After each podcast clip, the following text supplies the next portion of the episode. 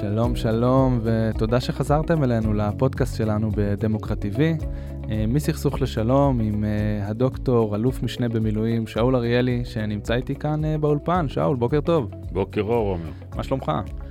כמו תמיד.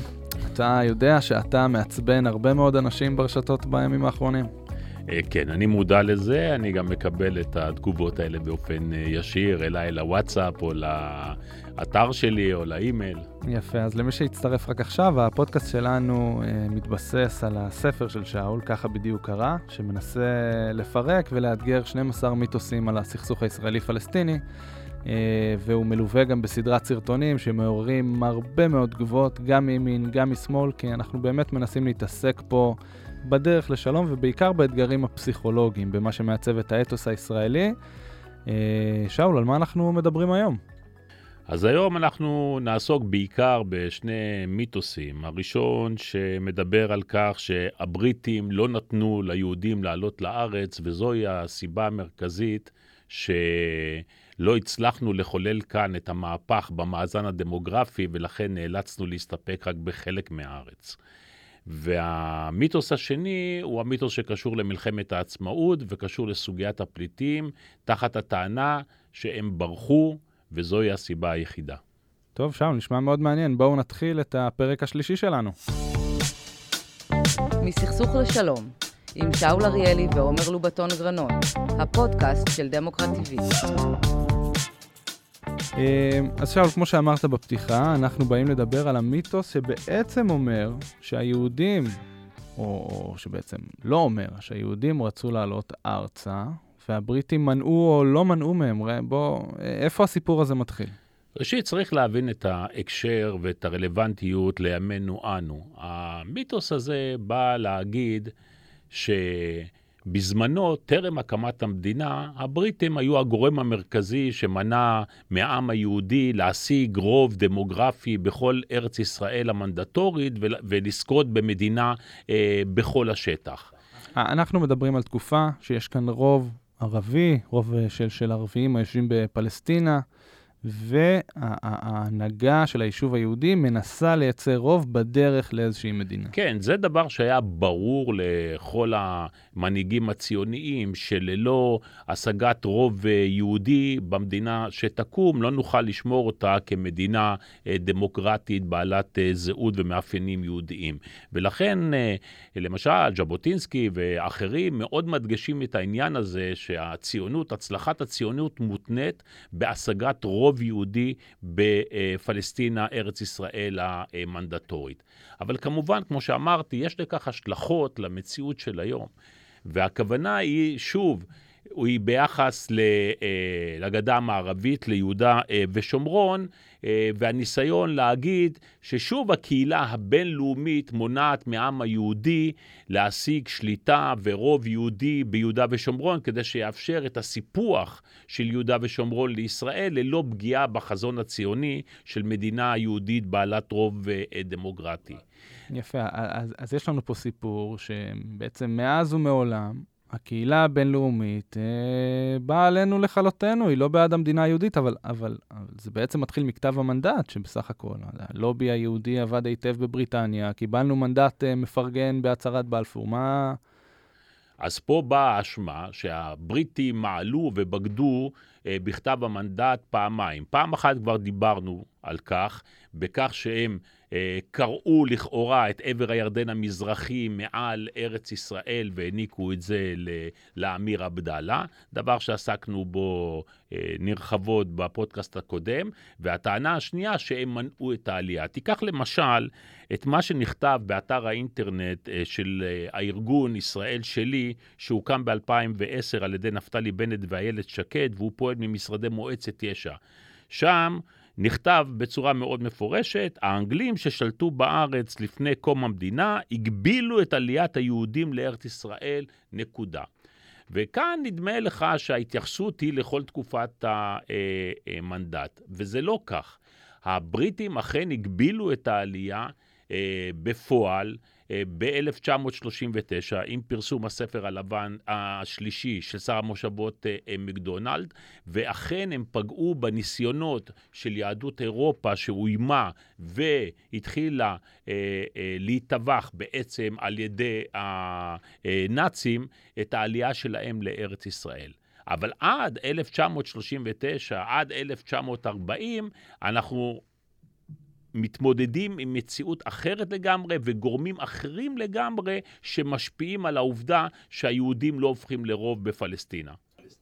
רגע לפני שאתה נוקב בסיבות שבאמת קרו לפני ערב מלחמת העולם השנייה, תן לי קצת מספרים, מה, מה היו הכמויות פה בתחילת המאה? אז אם אנחנו מדברים על uh, הצהרת בלפור וכתב המנדט 1917 עד 1922, אז אנחנו מדברים על משהו בסביבות 80 אלף יהודים שחיו בארץ ישראל, עם קרוב ל-700 אלף uh, uh, ערבים. ערב uh, uh, הקמת המדינה, אנחנו מדברים על שליש, שני שליש, שני שליש ערבים, כמיליון 200, מיליון 300 אלף, וכ-638 אלף uh, uh, יהודים. אז בעצם הבריטים שלטו מפה, שלטו פה מ-1917, מאחרי מלחמת העולם הראשונה, היו גם עליות לפני זה, בתקופת השלטון העות'מאני. נכון. אתה אומר, היו טפטופים, לא באמת עליות. אז זהו, צריך לחלק את התקופה הזאת של מה שנקרא אה, העליות של הציונות המודרנית מסוף המאה ה-19. ראשית, מ-1881, כן, העלייה הראשונה, ועד 1917, כמעט 40 שנה, שלטו כאן העות'מאנים בארץ ישראל, ולהם הייתה מדיניות מאוד ברורה למנוע אה, עלייה יהודית, והעלייה היהודית בדרך כלל התבססה על כך שהם היו אזרחים של המעצמות האירופאיות, ונהנו מהקפיטולציות שניתנו למעצמות אה, הללו. קפיטולציות? כן, האישורים המיוחדים שניתנו אה, לתושבי המעצמות כדי להגיע לארץ אה, אה, ישראל, והיהודים היו אלה שבעיקר ניצלו זאת. אבל צריך לזכור שברגע שהיהודים הגיעו, העות'מאנים, הטורקים, הטילו עליהם לא מעט אה, אה, מגבלות. הם נסעו ישר מהעלייה את מה שנקרא הפתקה האדומה, שהייתה כרוכה בלא מעט אה, אה, מגבלות, אבל לא פחות מכך חשובה העובדה שהארץ הייתה מאוד לא אה, מפותחת ולא מסוגלת לקלוט אה, בכלל עלייה מבחינת אה, אה, תעסוקה ואפילו אה, אה, מגורים, ולכן אה, חלק ניכר ממי שעלה ארצה באותם אה, שנים בתקופה של השלטון העות'מאני, גם מהר מאוד מצא את עצמו חוזר חזרה אה, לאירופה.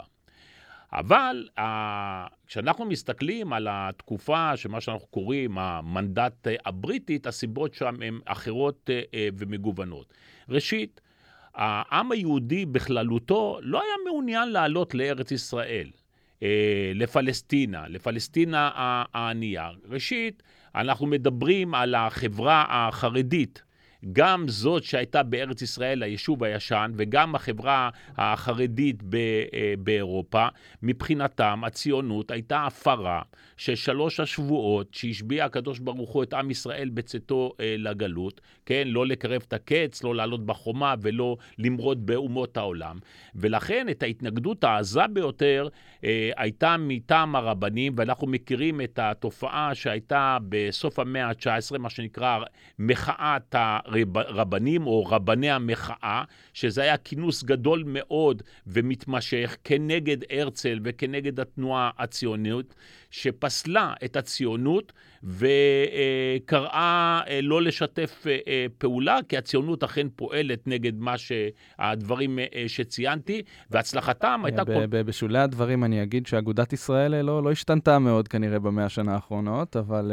מעניין שגם כשאתה מדבר על רבני המחאה, זה לאו דווקא מה שאנחנו היום מזהים כחרדים חרדים, אלא היו אפילו מה שנקרא רבנים רפורמים שהיו חברים בזה, רבנים כלליים.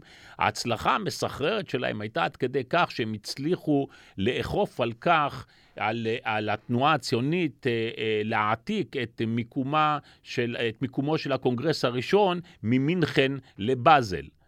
אבל לאורך כל הדרך, ההתנגדות של החרדים, מה שאנחנו קוראים אה, היום, אה, הייתה התנגדות רציפה. אני אתן לך דוגמה, למשל, אחד הנאומים הנבואים המפורסמים מאוד של אה, זאב ז'בוטינסקי, הוא מגיע בתשעה באב 1938 לשיחה עם יהדות ורשה בפולין, והוא אומר להם, רבותיי, אני כבר שלוש שנים קורא לכם לעזוב פה את, ה, את, ה, את הארץ. אתם לא יודעים איזו קטסטרופה, איזה וולקן עומד להתפרץ עליכם, וכמובן זה מעין ניבוי של השואה. והוא אומר להם, הוא מתחנן, הוא אומר להם, אם אתם, כל אחד מכם יעלה עכשיו לארץ ישראל, אז אנחנו נזכה לשני דברים. אתם תצילו את נפשותיכם ותזכו לחגיגה גדולה של הקמה של מדינה יהודית. להזכירך שבפולין חיו אז שלושה וחצי מיליון יהודים. מספיק ששליש מתוכם, שלא לדבר על חצי מתוכם, היה עולה לארץ ישראל, המאזן הדמוגרפי פה היה משתנה מהקצה לקצה והיה מאפשר את כינונה של מדינה יהודית בכל רחבי פלסטינה המנדטורית. כן, ואני מניח שלצד ההתנגדות החרדית, עם אותם שיקולים דתיים, גם היו שיקולים של נוחיות, כמובן. אנשים היו משולבים בקהילות. אבל אם נסתכל גם על נתח גדול מהיהודים שפנה לתנועות סוציאליסטיות, חילוניות בהגדרתן, שמאמינות אה, בפועלי כל העולם התאחדו, ולא פועלי אה, כל ישראל תעלו לארץ. נכון, נכון, אולי התנועה הבולטת ביותר אז הייתה התנועה של הבונד, כן? שהיא אמרה, אמנם אנחנו עם יהודי, אבל המולדת שלנו זה רוסיה, זה פולין, זה רומניה, זה לטביה. הציונות פועלת כנגד הפרולטריון, וגם אסור לחדש בכלל את השפה העברית, צריך לדבר על, ולהמשיך לדבר אה, אה, ביידיש. וכוחה הגדול היה כמובן אה, בפולין, והם הם אלה שמנעו בין היתר את העלייה של העם היהודי אה, אה, לארץ ישראל, מהסיבות האלו אה, שציינו. תראה, ההתנגדות הייתה כל כך חריפה. אני אתן לך דוגמה, למשל, ב-1919 מפרסם ז'בוטינסקי אה, אה, בעיתון הארץ מאמר אה, שנקרא מחוץ למחנה. ששם הוא אומר, חבר'ה, בואו ניפרד מהחרדים, בואו ניפרד מהיישוב הישן. הם לא מאמינים ב, באידיאלים, הם לא מאמינים במדיניות שלנו, הם בכלל נטל על הסירה הקטנה אה, אה, שלנו. והוא אומר אפילו, אנחנו צריכים לקבוע חוק שאומר שהם לא חלק מהתנועה הציונית. אה, כי הם כופרים בפרהסיה, בעיקר הכי חשוב של כל מדינה, וזה עיקר העבודה. זאת אומרת, ההתנגדות של החברה החרדית הייתה התנגדות כל כך קשה, עד כדי כך שרצו בעצם אה, אה, למנוע ממנה ליטול כל חלק בתנועה הציונית. ובכל זאת, עם הקשיים באירופה, עם המאורעות, עם uh, עליית הנאצים ו- וממשלים שונים ברחבי היבשת שאתגרו את היהודים, כן הייתה עזיבה של יהודים. ודאי, הייתה עזיבה של יהודים, אבל לא לפלסטינה. העזיבה של היהודים הייתה בעיקר לארצות הברית, כן? לארצות הברית, לקנדה, לאוסטרליה, לניו זילנד, לדרום אפריקה, גם לדרום אמריקה. תראה, במקביל לעזיבה אה, של ה... לעלייה היהודית, שהסתכמה בכמה מאות אלפים לארץ ישראל, אה, עזבו קרוב לארבעה וחצי מיליון יהודים את מזרח אירופה והיגרו למדינות אה, אה, שציינתי. זאת אומרת, זה לא היה מצב שהמדינות, שהיהודים העדיפו כולם להישאר באירופה. הייתה להם, היו להם מספיק סיבות, כפי שציינת, אכזבה משוויון הזכויות או היעדר זכויות במזרח אירופה, כדי להגר למדינות אחרות. אבל הם בחרו לא לעשות את זה לארץ ישראל. אי אפשר לבוא אליהם בהאשמות. כל אחד והשיקולים שלו, איפה הוא יכול למצוא את uh, עתיד טוב יותר עבורו ועבור ילדיו, והם uh, גילו שזה יהיה באמריקה ולא בפלסטינה.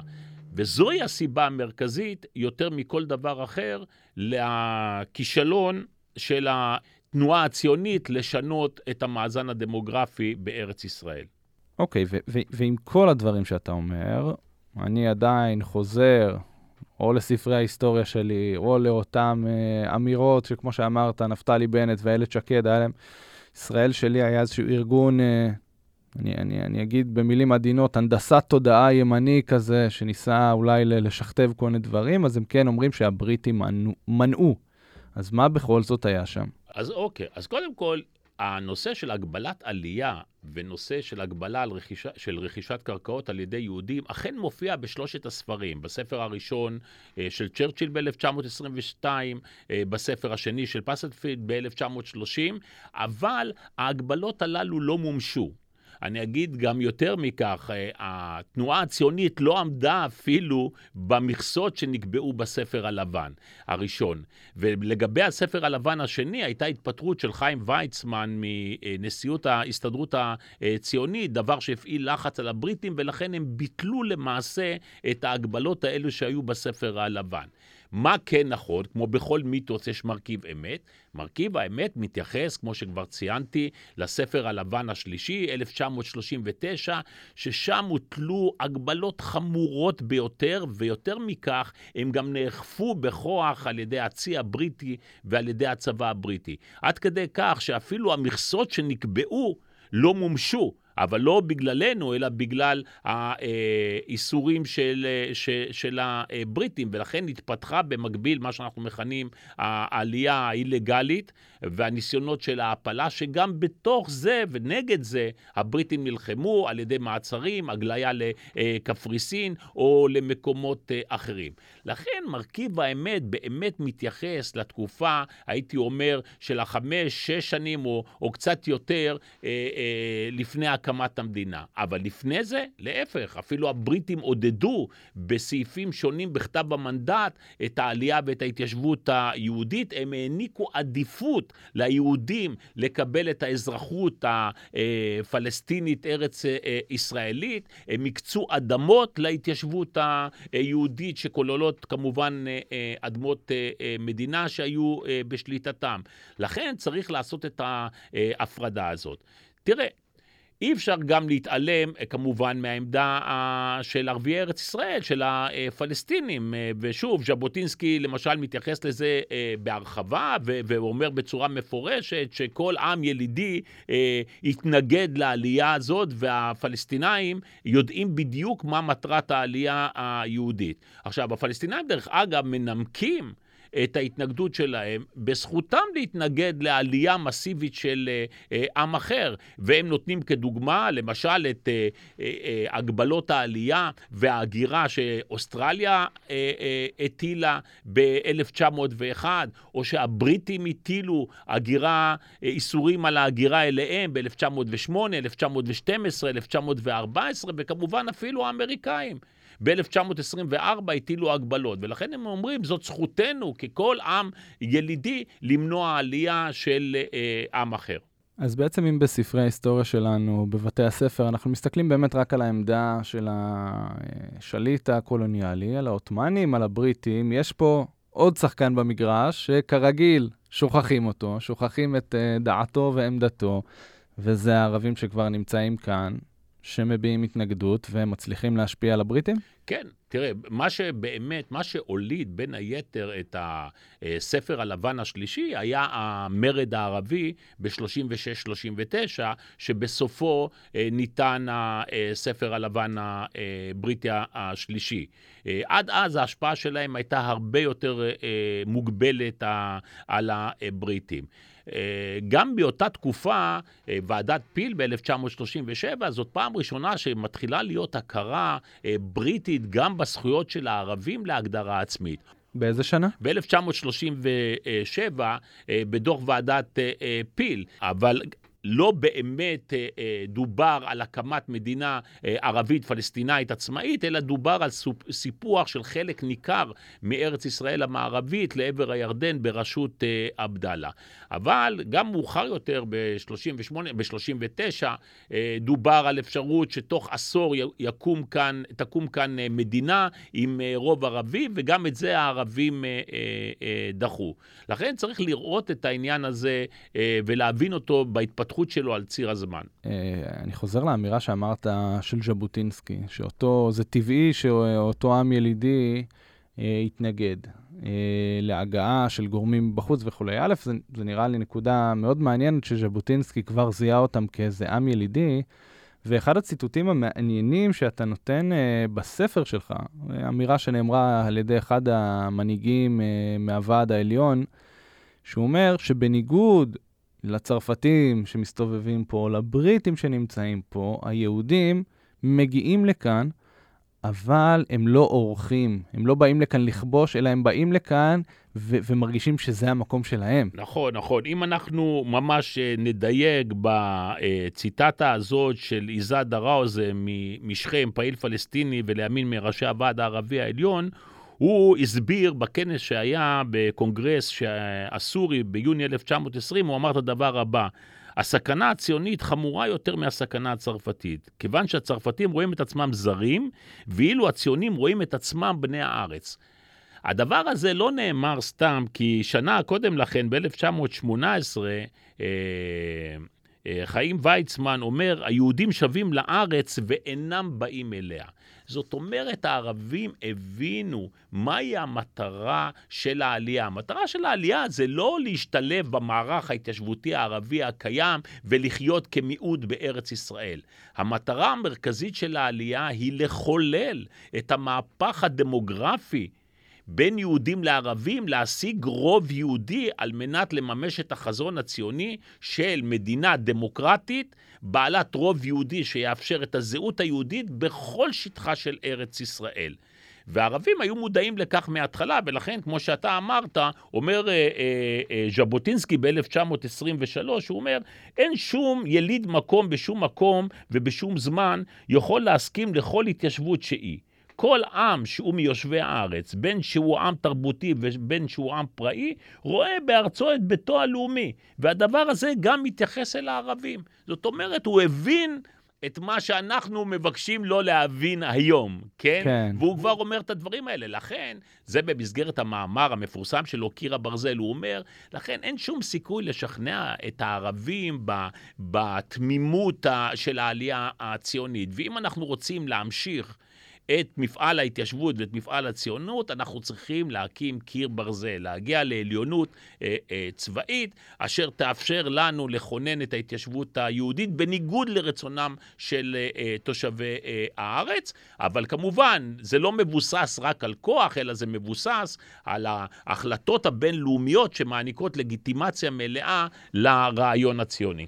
כן, טוב, המאבק הדמוגרפי, מאז ועד היום, מה שנקרא, אה, זה עד היום, אה, סופרים מספרים, יש את המערכון הזה של ארץ נהדרת, של כזה בעתיד, נכון. יהיה כזה את השלטים בנתב"ג, כמה כמה בין היהודים לערבים, שחלילה לא... לא נפסיד את אותו יתרון. דרך אגב, אם אנחנו עוברים כמובן לאקטואליה של היום, הרי גם ביהודה ושומרון היום, אה, מבחינת ההתפלגות של האוכלוסייה, יש 86 אחוז ערבים ורק 14 אחוז יהודים. והטענה שמי שמנופף לעיתים במיתוס הזה, היא שרגע, תשחררו לנו, אל תגנו את ההתנחלויות, אה, שמועצת הביטחון לא תקבל את החלטה 2334 שרואה בהתנחלויות פסולות, ושתאפשר בעצם את ההגירה של היהודים ליהודה ושומרון כדי להשיג אה, רוב יהודי, כן. למרות שגם אז וגם היום זאת לא הסיבה האמיתית. הסיבה האמיתית זה אה, עמדתו של העם היהודי, כמו שהיה אז וכמו שהיה היום, אנחנו לא עוזבים את ארץ ישראל, את מדינת ישראל בתחומי הקו הירוק ועוברים לגדה המערבית. כן. אה, אה, אה, אם אני חוזר טיפה אחורה, אולי אני טיפה סוטה מהנושא, אבל כל התפיסה הזאת של הפלסטינים כעם ילידי, הרי בסוף, אתה יודע, גם, גם מנית פה כמה מדינות, האמריקאים, הקנדים, האוסטרלים, הניו זילנדים, הרי כשהם היגרו בזמנו למולדתם, היו עמים ילידיים שעד היום תובעים את זכויותיהם, הנייטיב אמריקאנס, האבוריג'ינים, המאורים וכולי וכולי, וכאילו, ו- וגם בדרום אפריקה, שזה אולי אפילו סיפור יותר דומה, שאותם לבנים הגיעו והרגישו אדוני הארץ, לא אורחים, ויצרו את מה שנוצר. כאילו, אולי, אולי ככה, אתה יודע, ככה נרקם עם, ככה קמות אומות. אז זו, זאת בדיוק, זאת נקודה מאוד חשובה שאתה מעלה כאן, והיא מדגישה להבין את ההקשר של אירועים ב, אה, לתקופה שלהם. כי כל, הצ... כל הדברים שציינת, כן, אם זה האמריקאים ואם זה האוסטרלים והניו זילנדים, ואנחנו בעצם מדברים על המהגרים שהגיעו מאירופה ומאנגליה, כן, אה, אה, וכן הלאה, באותה עת, עד סוף מלחמת העולם הראשונה, העיקרון שהנחה את מערכת היחסים הבינלאומיים היה העיקרון האימפריאלי, שהוא אמר דבר פשוט, שכל מדינה אה, יכולה על פי שיקול דעתה בלבד לפתוח במלחמה, לכבוש שטחים, להכיל את הריבונות, לגייס לצבא, לגבות מיסים. בעצם העיקרון היה עיקרון הכיבוש והכוח והוא הוכר כלגיטימי. אחרי מלחמת העולם הראשונה, העיקרון הזה השתנה. והוא השתנה לעיקרון ההגדרה העצמית, שאומר באופן אה, עקרוני שארץ שייכת לתושביה ולא לכובשיה, ותושבי הארץ הילידים, יש להם את הזכות לקבוע את אה, אה, עתידם הפוליטי, עתידם המדיני. ולכן עלינו להעביר את הקו הזה, את הקו הכרונולוגי, בין הדברים שקרו אז לדברים שקרו אחרי מלחמת העולם הראשונה, ואנחנו נופלים בתוך הקטגוריה של מה שקרה אחרי מלחמת העולם הראשונה. ולכן, ערביי ארץ ישראל, הפלסטינים, הם נחשבים ומוכרים כעם הילידי. דרך אגב, גם בוועדת אור, ב, לאחר אירועי ספטמבר 2000, נכתב שם במפורש לגבי ערביי הארץ, שהם העם הילידי של פלסטינה, של ארץ ישראל.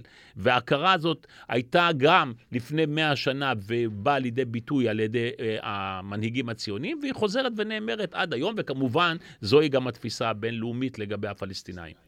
כן, ומאז ועד היום אנחנו מנסים להביא עוד עליות, לבנות את אותו יתרון דמוגרפי, אבל, אבל בעצם אנחנו מגיעים לשיא של זה ערב מלחמת העצמאות, דיברנו על זה גם בפרק הראשון, מנסים להביא לפה הרבה צעירים, ו, ו, וכבר נוצר מצב, שאם אתם זוכרים את הפרק הראשון שלנו, במלחמת העצמאות, כוח הלחימה לפחות, גם אם היהודים לא היו פה הרוב, ואמרת שזה יחס של שני שליש ושליש, מבחינת כוח הלחימה, לא בהכרח היינו מעטים מול רבים. לא, לגמרי לא. אמרנו, ואתה ציינת נכון, העלייה הסלקטיבית של צעירים שיוכלו להיות uh, חלק מהכוח הצבאי אה, של המדינה שבדרך, היה מכריע. ושיעורם הביא לכך ש... אה, פוטנציאל הגיוס היה גבוה פי שלוש מאשר פוטנציאל גיוס של אוכלוסייה רגילה. מה שאומר שהיישוב העברי ואחר כך מדינת ישראל עם הקמתו של צה"ל הצליחה לגייס אה, ולהעמיד כוח לוחם של קרוב ל-120 אלף איש, שהוא היה גדול פי שניים מאשר כל הכוח הלוחם של מדינות ערב והפלסטינים במסגרת מלחמת העצמאות. זאת אומרת, היחס היה אחד לשניים. וכמו שאמרנו, גם אז אי אפשר להסתפק רק ביחסים המספריים, אלא צריכים להתייחס לגורמים נוספים, למשל כמו איכות כוח האדם, ש... או איכות הנשק, או כמות הנשק. ודאי, התקציב, המורל, הרבה הרבה מרכיבים שדנו בהם בפודקאסט הראשון, אה, והדברים... בדברים האלה רואים שהיישוב העברי ואחר כך מדינת ישראל עלתה בכוחה באופן ניכר על חילות המשלוח, למעט התקופה הראשונה של הפלישה, מה שנקרא מהפלישה ועד ההפוגה הראשונה ביוני 1948. ומגיעים למלחמת העצמאות, את התוצאות אנחנו יודעים, והיו גם השלכות שאנחנו אה, כבר נתעמק גם בהן.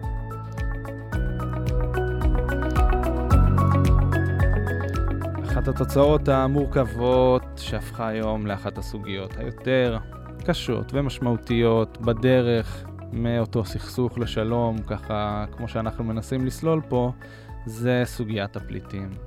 אמ, שיש לה הרבה מאוד השלכות, ומחנות פליטים שקמו והתפזרות, ומעמד הפליט שעובר בירושה, זו באמת סוגיה מאוד מאוד קשה. אבל אם אנחנו נכנסים למיתוס הישראלי, אז אולי אנחנו מנסים לשכנע את עצמנו, או שלא, אולי זה באמת מה שקרה, שלא גירשנו אף אחד, כולם עזבו פה לבד. כן, לגבי, תראה, קודם כל, סוגיית הפליטים היא מאוד uh, מיוחדת. כי כשאנחנו מדברים על אפשרות של יישוב הסכסוך בינינו לבין הפלסטינים, אנחנו עוסקים בדרך כלל בארבע סוגיות.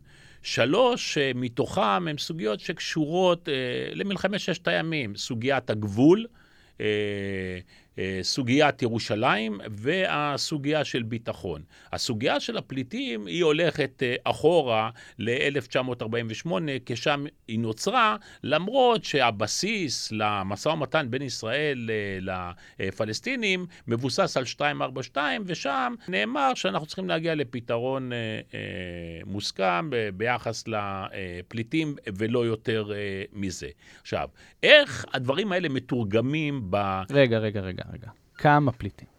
ראשית, הסיפור של הפליטים הוא, אה, הוא מורכב. אם אנחנו מדברים על הפליטים בפועל ב-1948, הדוחות של ועדת הפיוס של האו"ם מדברים על 711 אלף אה, אה, פליטים פלסטינים.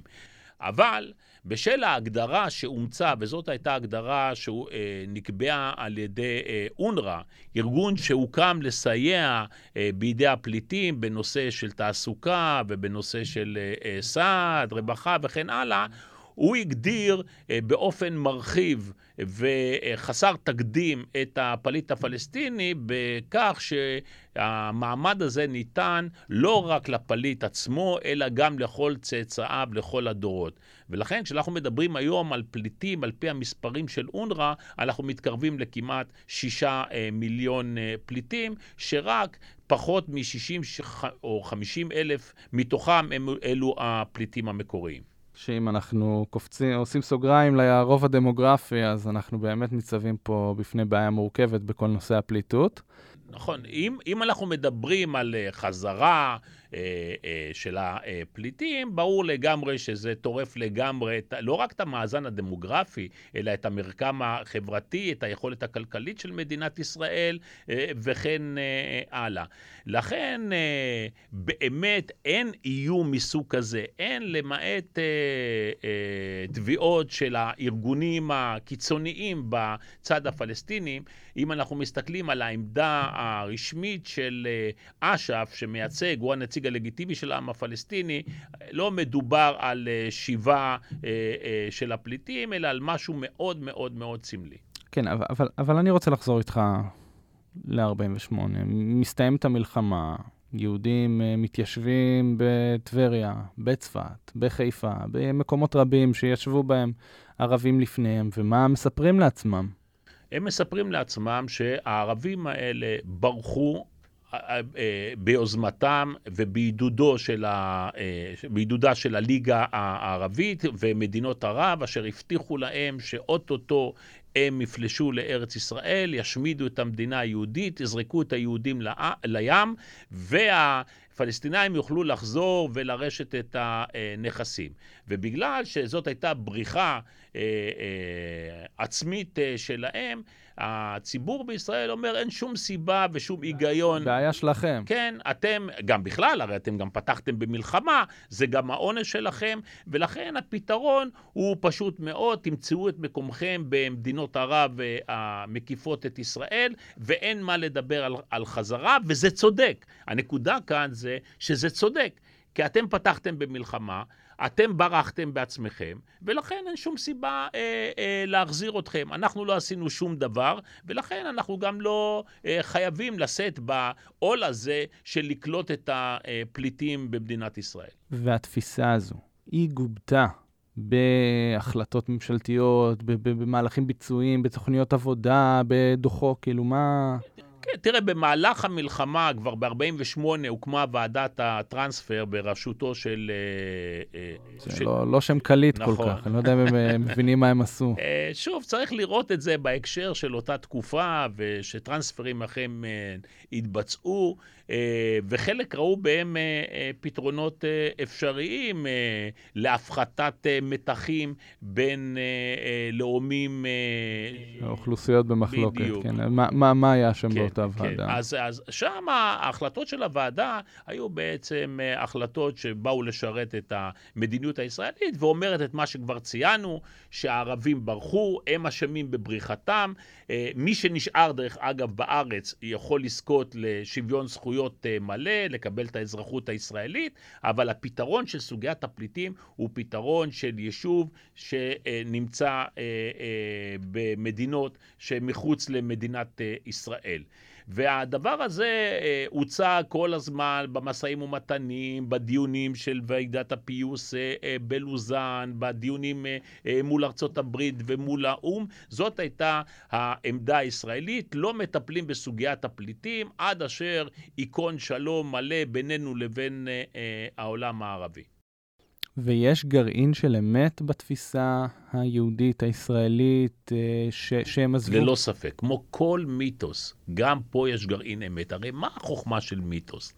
החוכמה של מיתוס היא נובעת מכך שאתה לוקח מרכיבים של בדיה ואתה תובע אותם לתוך אה, אה, מרכיבי האמת באופן כזה שבקרב התודעה של הציבור הדבר מתקבל כמקשה אחת ובלתי ניתן להפרדה. אז כמובן שגם פה יש מרכיב אמת, והוא בעיקרו מתייחס לשלב הראשון של מלחמת אה, אה, העצמאות, מה שאנחנו מכנים מלחמת האזרחים, וגם בו לתקופה בין דצמבר 47' למרץ 1948 עד תחילתה תחילת יישומה של אה, תוכנית ד', הערבים, אה, כ-75 אלף ערבים, עזבו את uh, פלסטינה ביוזמתם, ומדובר בעיקר על המעמד הבינוני והמעמד הגבוה העירוני, ועל כך... מי שיכל להרשות לעצמו. כן, ועל כך יש לנו דיווחים מאוד מדויקים ומלאים, החל מהנציב הבריטי העליון, שהיה כאן דרך דיווחים uh, בעיתונות, ואפילו uh, התפרסמו לא מעט uh, uh, uh, כתבות בעיתונים uh, בעולם הערבי, אשר קוראים ל... החבר'ה האלה שעזבו, גיס חמישי שנוטש את עמו ועוזב את, ה, אה, אה, את המלחמה, כי נוח לו, כי הוא חי ברווחה, והוא יכול למצוא פתרונות במקומות אה, אחרים. אנשים קצת יותר עמידים שאמרו, הדברים פה יירגעו, אנחנו נחזור, בינתיים בואו... המילה הזאת שאנחנו נחזור היא מילה מאוד חשובה, כי צריך להבין את זה. הדפוס הזה של עזיבה בשעת מלחמה, וכותב על זה בהרחבה אה, ההיסטוריון יואב גלבר בספרו אה, קוממיות ונכבה, הוא אומר, צריך להבין שעזיבה הייתה דפוס מקובל במלחמות במזרח התיכון. אנשים עזבו, ובסיום המלחמה חזרו לבתיהם. והוא אומר, הערבים, ערביי ארץ ישראל, תפסו את העימות עם היהודים בדפוס אה, הזה. שהם יעזבו והם תכף יחזרו, בדיוק כמו שהם עשו למשל במרד הערבי ב-36 עד 39. אה, יחד עם זאת, למרות שזה גרעין האמת, צריך לזכור שכבר באותה תקופה יש לנו תופעות שאנחנו מכנים אותן זוועות המלחמה, שדרך אגב, היו בשני הצדדים לאורך כל הדרך, אבל אנחנו מתכחשים לדברים שאנחנו עשינו. כך למשל, אה, כדוגמה, כבר בפברואר 1948 מזמין אליו אה, דוד בן גוריון את אה, ריפטין מקיבוץ עין שמר וממנה אותו אה, לבדוק אירועים חמורים מאוד שקרו על ידי אה, לוחמי ההגנה אה, והפלמ"ח, ובכלל זה הוא מונה הוצאה להורג ללא משפט. אה, אה, מעשה שוד, מעשה, מעשה ביזה, זאת אומרת, התופעות הללו שמאפיינות באופן רחב יותר את פעילות ישראל מאוחר יותר, היו גם בשלב הזה שבו אנחנו יכולים להגיד שהערבים עזבו אה, מרצונם. כמו הטבח בדיר יאסין, שאני בטוח שהיה זרז. הטבח בדיר יאסין כבר שייך לגל שני, כי הוא כבר חלק מ, אה, מהמעבר של היישוב העברי ממגננה למתקפה במסגרת תוכנית ד' בסוף מרס, תחילת אפריל 1948, ולכן הטבח בדיר יאסין ובמקומות אה, אחרים, ללא ספק עורר את הגל הגדול של בריחת הפליטים, ופה אנחנו כבר מדברים על פי ארבעה יותר, על, מדברים על גל של 300 אלף פליטים. פליטים וואו. בין אפריל ליוני 1948. אבל שם, למשל, דוח שמתפרסם על ידי שירות הידיעות, השי, כן, של, ה, של ההגנה, ומונה את הסיבות להגירת אה, הערבים מארץ ישראל, אה, מציין שם בצורה מפורשת את הסיבות המרכזיות, והוא אומר, התקפה ישירה על אה, אה הכפרים אה, הערביים, אה, איומים שלנו, אולטימטום, פעילות של הארגונים הפורשים, הם מתכוונים לאצ"ל אה, אה, וללח"י, ורק הסיבה הרביעית שמציינים בדוח מתייחסת לקריאות של מנהיגים מקומיים לעזוב, אה, זאת אומרת שנשים וילדים וזקנים יעזבו את הכפרים אה, ויאפשרו לכוח הלוחם לבצע את משימתו. כלומר, כלומר, במידה מסוימת זה היה, לא, לא יודע, מטרה היקפית או מטרה... זה נבע ממה שקרה שם במלחמה, כאילו הצבא או כוחות היהודים הפעילו הרבה מאוד כוח. אז גם פה אתה צריך לחלק את זה לפי תקופות. הרי בעצם מה, מה נאמר כאן, או הדברים שאתה מבקש להגיד, ש... וגם לא מעט משתמשים, שהאירועים קרו בלהט המלחמה. והם לא היו תוכנית אה, אה, אה, מוגדרת, כן? אה, אבל גם פה צריך להתייחס אה, להתפתחות על ציר הזמן. אם בשלבים הראשונים של המלחמה, בעיקר בשלב של מלחמת אה, האזרחים, הנושא של הגירוש תפס מקום אה, קטן יותר, הרי שבשלב השני אנחנו מדברים על אוקטובר 48', וגם אחרי המלחמה אפילו, כאן מדובר בגירוש באופן אה, מכוון, אתה יכול להכניס את זה תחת הכותרת של אה, אה, תיאור אתני, גם אם היו לזה גם סיבות צבאיות. כך למשל, את ההודעה או את ההחלטה המפורשת של גירוש תושבי לוד ורמלה במבצע דני בקרבות עשרת הימים ביולי 1948. שם ניתנה הוראה מפורשת, כן, של בן גוריון, והביא אותה לידי ביטוי יצחק רבין, שהוא היה קמב"ץ אה, של המבצע הזה תחת פיקודו של יגאל אלון, שהוא אומר לגרש אותם מיד ללא הבחנה בגילאים ולהפנות אותם כמובן לעבר הירדן, משום שדרך אגב, עבר הירדן בראשות עבדאללה הייתה המדינה היחידה שהסכימה לקבל את הפליטים בניגוד למיתוס שלנו. בניגוד למה שנאמר במיתוס. כשאתה מסתכל על, אה, על uh, מה הייתה עמדתם של מדינות ערב, אתה צריך להבחין בין ההכרזות של הליגה הערבית, שהיו מאוד מתלהמות, כן, לבין העמדה בפועל של המדינות. כך למשל את סוריה ואת לבנון. סוריה ולבנון הגבילו בצורה מוחלטת את הבריחה של הפלסטינים אליהם. אנחנו, אנחנו מיד ניכנס לעמדה של מדינות ערב. אני רוצה לשאול אותך שאתה השתמשת פה במילים קשות. אני לא זוכר, אני לא אצטט אותך במדויק, אבל אמרת דברים באזור הגירוש מכוון וטיהור אתני, שאם אנחנו, גם מנית כאן שמות שהם גיבורי uh, תרבות ונכסי צאן ברזל, בכלל בישראל ובשמאל, רבין, בן גוריון, יגאל אלון וכולי. וכשאתה אומר את הדברים האלה, אתה הרי פוגש המון קבוצות, המון סטודנטים, כשאתה אומר את הדברים האלה לאוזניים היום, מה, איזה תגובות אתה מקבל? מפתיעות. מה זאת אומרת מפתיעות? חלק כמובן... מק... כאילו, אני חושב שלמאזין הממוצע זה שורף את האוזניים, שאתה, נכון. שאתה מעז בכלל להגיד נכון, דברים נכון, כאלה. נכון, נכון, כי חלק אה, לא מוכנים לקבל את העובדות, וחלק אחר, אה, שהוא מאכזב, דרך אגב, אה, לא פחות, אומר, חבר'ה, למה, למה לדבר על זה? למה לחשוף את זה? למה? דברים היו, נגמרו, אל תדברו על זה, זה פוגע בעמדתנו, זה פוגע באינטרסים שלנו וכן הלאה. אבל... מג... מגוון העובדות הוא כזה, שאי אפשר להתעלם ממנו, כן? זה לא שאני עכשיו בא וממציא לבד את המים החמים, כן? אה, הרי הדברים האלה מעוגנים באין ספור מחקרים וספרים שהתפרסמו, כמו בני מוריס, כמו אה, יואב גלבר, ו- וכמובן אה, אה רבים אה, אחרים, ואני כבר לא מדבר על הפרסומים של הפלסטינים עצמם.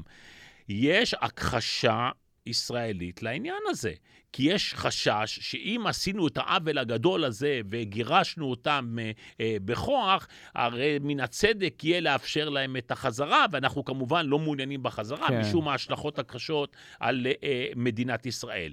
אז כדי להישאר בצד הלבן, הצודק, אנחנו בעצם אה, מבטלים את כל ההאשמות ואת כל הדברים שיש עליהם עדויות כתובות בצורה אה, מלאה וברורה, שמובאות כאן, דרך אגב, בספר בצורה... בצורה אה, נרחבת, על אה, מעשה רצח, על מעשה טבח, על מעשה שוד, על מעשה אונס, על מעשה ביזה, על גירושים, על אה, הטרדות, על כל מה שאתה לא רוצה, אה, ש, שאנחנו קוראים להם זוועות המלחמה. אה, והעובדה, דרך אגב, שגם הערבים עשו חלק מהדברים הללו, משמשת בידי אנשים להגיד, אוקיי, גם אם עשינו את זה, הרי הם גם עשו לנו את העניין הזה. הנקודה היא שרוב הציבור בישראל לא מוכן בכלל להודות במעשים האלה שנעשו על ידי ישראל. עזוב עם התיוג שלהם. שלהם עכשיו או המשמעות שלהם, אלא בכלל הכחשה מוחלטת שהפעולות האלה נעשו על ידינו.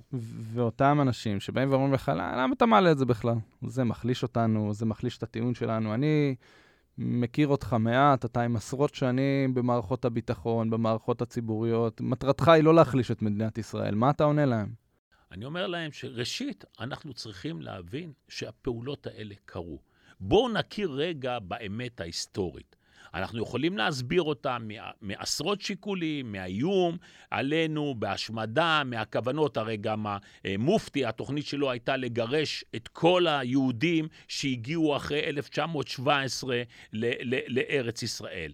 אנחנו, הטבח, כמו טבח אה, אה, אה, שיירת הדסה שנעשה, אנחנו יכולים לדבר על, ולנמק את הדברים האלה גם מבחינה אסטרטגית, או החשיבות ביצירת רציפות טריטוריאלית יהודית. אבל קודם כל, עלינו להודות שהדברים האלה אכן התבצעו ואכן מומשו. הנקודה היא שדרך אגב, והיא חשובה ביותר, זה שהנושא של הפליטות הוא לא קשור בכלל לגירוש או לבריחה.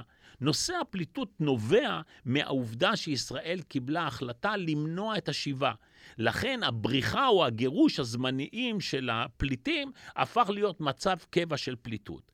אבל החשוב יותר מכל, וזה מה שאני אומר, יש היום נכונות פלסטינית ליישב את העניין הזה, שלא על ידי שיבה מוחלטת למדינת ישראל. יש נכונות שנשענת על ההחלטה המפורסמת 194, שעל בסיסה נולדה מה שנקרא התביעה לזכות השיבה, ליישב את סוגיית הפליטים.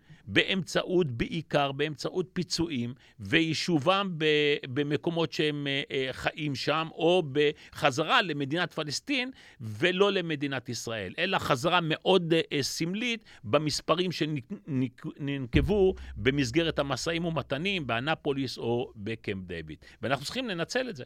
היום מנינו קודם שלפי אונר"א יש באמת שישה מיליון פליטים פלסטינים שהם מרוכזים בעיקר בלבנון, ירדן.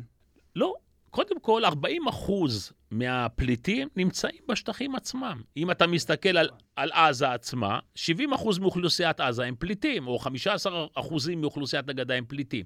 אבל 50 אחוז נוספים מרוכזים בירדן. בסוריה ובלבנון יש לנו מספרים מאוד מאוד קטנים של פליטים בשל המדיניות שדיברנו עליה, שהסורים והלבנונים, דרך אגב, גם המצרים, מנעו את אה, הגעת הפליטים אליהם, לפעמים על ידי ירי בפליטים שברחו אליהם, שלא לדבר על, על גירוש, ואחר כך על ידי הענקת אה, אה, מעמד מאוד מאוד נחות אה, אה, אה, לפליטים אה, הללו.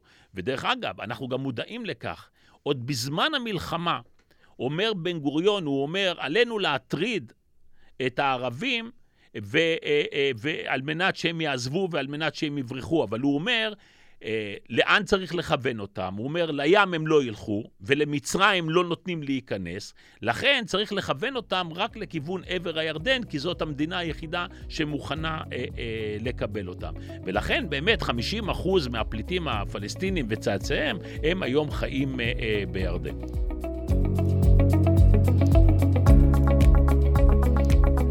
תראה, שאול, אתה באמת מעלה פה אזכורים, וגם בספר אתה מעלה דברים עוד יותר מפורטים, עדויות של ישראל גלילי על הזוועות שנעשו, ו- ואפילו אזכורים בתרבות עם uh, שירים של נתן אלתרמן, כאילו זה משהו ש- שהיה כאן ב- ב- באוויר, וזה דברים קשים.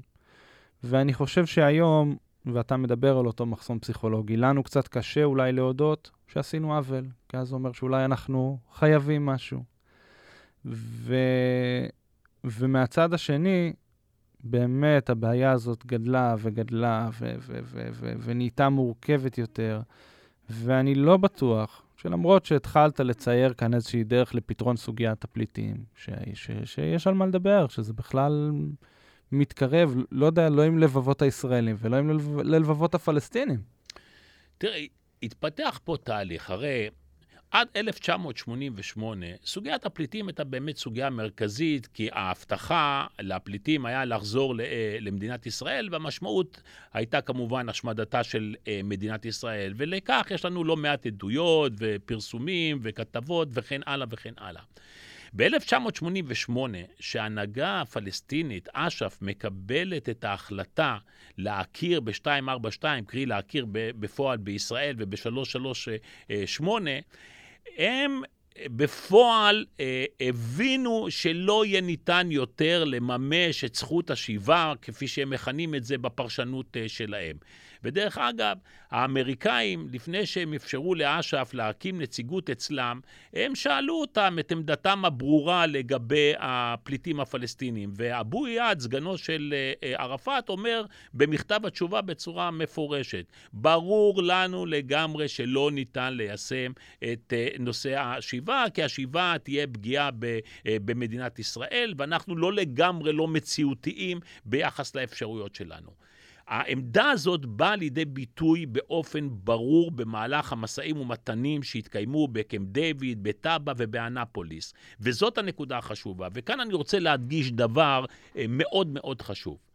הפלסטינים לא יכולים ולא יוותרו על מה שנקרא לעמדתם זכות השיבה. למה? זה הנרטיב שלהם, זה האתוס שלהם. זה האתוס שלהם. זה הגורם המלכד, המלכד שלהם. הם לא יכולים לוותר על זכות השיבה ברמה העקרונית. אבל מה? הצדדים במשאים ומתנים היו מספיק חכמים ודיברו על נושא של ויתור על מימוש סכום, זכות השיבה. לא על זכות השיבה עצמה, על מימוש זכות השיבה. שזה בעצם האיום המרכזי מבחינתה של ישראל.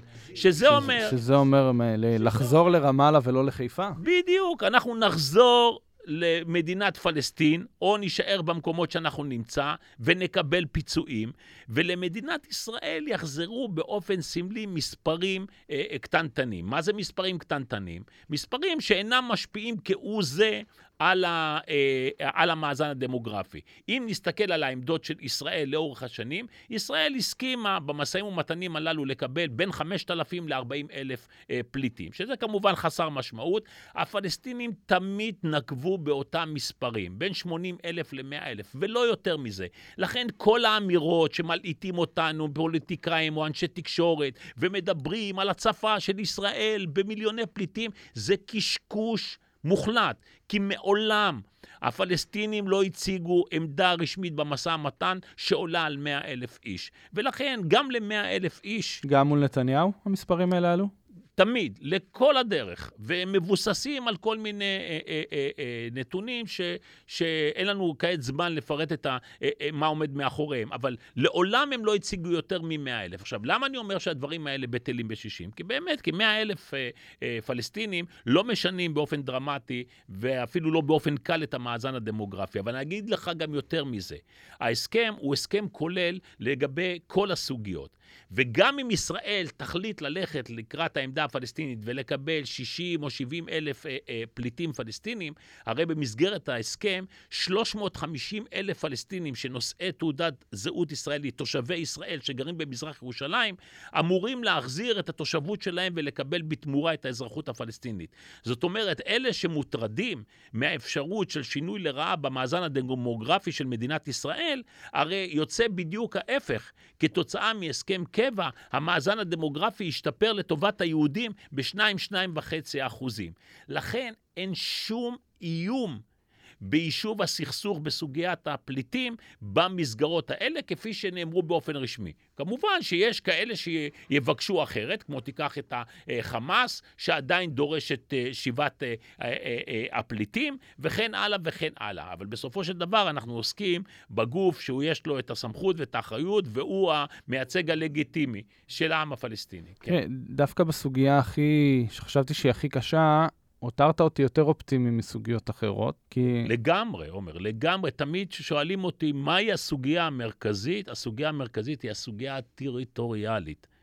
כי בתחום של הפליטים, ואני אומר לך, אני יכול להרשות לעצמי, כי אני גם בעניין הזה מבטא את הדוח המאוד מפורט שהגיש אגף המודיעין בראשותו אז של האלוף עמוס מלכה לקבינט, ערב הנסיעה אה, לקמפ דיוויד. נאמר בצורה מפורשת, נושא הפליטים הוא קלף מיקוח בידי הפלסטינים. הדבר החשוב להם ביותר הוא הנושא הטריטוריאלי. לקבל בסופו של דבר 22 אחוזים משטחה של מה שהם קוראים פלסטינה אה, אה, היסטורית, שזה הגדה ורצועת אה, אה, עזה. לא הפליטים, בטח לא נושא הביטחון, כי הם הסכימו כמעט לכל הדרישות אה, אה, שלנו, ואפילו גם לא נושא ירושלים. אלא הנושא היחידי שמונע זה הנושא הטריטוריאלי. ואם אנחנו באמת התכנסנו לדבר על סוגיית הפליטים, נראה לי שאולי מה שחסר היום, אם אני מצליח לקרוא את המצב, זה מנהיגות אמיצה משני הצדדים, שתצליח להעביר את המסר הזה. כי המסר שהיום אנחנו מקבלים ברחוב היהודי, זה שסוגיית הפליטים היא, צאו מהבתים שלכם ותנו לפלסטינים כאן אה, לשטוף את הרחובות. אה, נכון. אה, ואולי מהצד השני, גם הסוגיה של, של לעשות, לא, לא לממש לחלוטין את זכות השיבה וכולי. אז בואו נעשה הבחנה בין שני דברים. ראשית, מבחינת הצד הישראלי, באמת הגיע הזמן לספר את האמת, והציבור הישראלי לא צריך לחכות להנהגה שלו. הרי כל הדברים האלה התפרסמו, עשרות ספרים. שהתפרסמו על ידי האמריקאים, על ידי הישראלים, מציינים שם את המספרים בצורה אה, בולטת. בכל הספרים שלי אפשר למצוא את כל הדברים הללו מעוגנים, כמובן במסמכים אה, אה, אה, מלאים. לגבי הצד הפלסטיני, אנחנו צריכים לעשות את ההבחנה. עמדתו של אש"ף, של אבו מאזן בעניין הזה היא מאוד ברורה. הוא בעצמו גם אמר יותר מפעם אחת, אם יגידו לכם שזה לא סוף הסכסוך, אז זה סוף הסכסוך. אם יגידו לכם שאנחנו מתכוונים לחזור לחיפה ולצפת, אז אנחנו לא חוזרים לחיפה ולצפת. מבחינתנו פלסטין זה הגדה המערבית ורצועת עזה. אבל יש כמובן את אלה שעדיין אה, עושים את המאבק על הגב של הפליטים, וזה כמובן התנועות כמו החמאס. ששם באמת צריכה לבוא ההתפכחות. ואני לא יודע אם דיברנו על זה, אבל אה, בפודקאסט הראשון, התהליך של זיכוך המיתוסים וה, וה, וה, ולהיפטר ממרכיבי הבדיה, זה לא דבר שרק אנחנו צריכים לעשות אותו, גם הפלסטינים צריכים לעשות אותו. וכתב על זה לפני אה, שנה באחד העיתונים הלבנונים, אחד מהפובליציסטים שם, והוא אמר, אם התנועה הפלסטינית רוצה לחזור למסלול של ההיסטוריה ולמסלול של המציאות, היא צריכה להיפרד מכל הסיסמאות הללו, כמו נושא, אתה יודע, הפליטים והצלבנים וכל הדברים מהסוג הזה. לכן זה תהליך שמחייב את שני הצדדים, כל אחד ברמתו הוא. אז בין אם לא, לא גירשנו אף אחד או שהם ברחו לבד, נראה לי שקצת להעמיק באמת של הדבר הזה ולהגיע להכרה. אה, זה באמת שלב חשוב בדרך. כמו שאמרתי קודם, היום דווקא יצאתי אופטימי מהפרק שלנו, בניגוד לשניים הקודמים. אני מקווה שזו המגמה, שאול, לפרקים הבאים. כן, אוקיי, אנחנו נעבוד על זה. טוב, אז uh, זהו, תודה רבה לכם למאזינים. אנחנו מסיימים כאן את הפרק השלישי של הפודקאסט שלנו, מסכסוך לשלום, עם שאול אריאלי, שמבוסס על הספר שלו, ככה בדיוק קרה.